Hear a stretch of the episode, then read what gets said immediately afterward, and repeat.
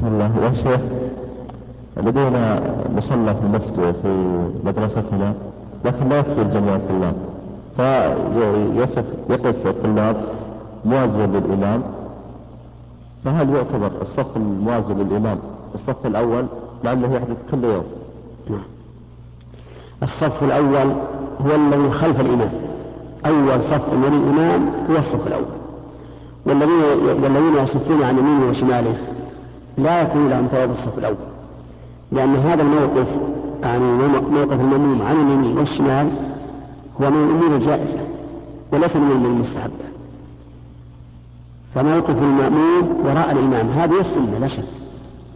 فإذا اضطروا إلى أن يقف أحد عن يمينه وشماله فلهم أن يقفوا ولكنه لا يعد ذلك الصف الأول. نعم هذا يا شيخ كل يوم طيلة السنة. ما يدري على كل حال الأمر جائز ولله الحمد. ووقوف هؤلاء عن يمينه وشماله خير من كونهم ينتظرون حتى يفرغ الطائفة الأولى. نعم.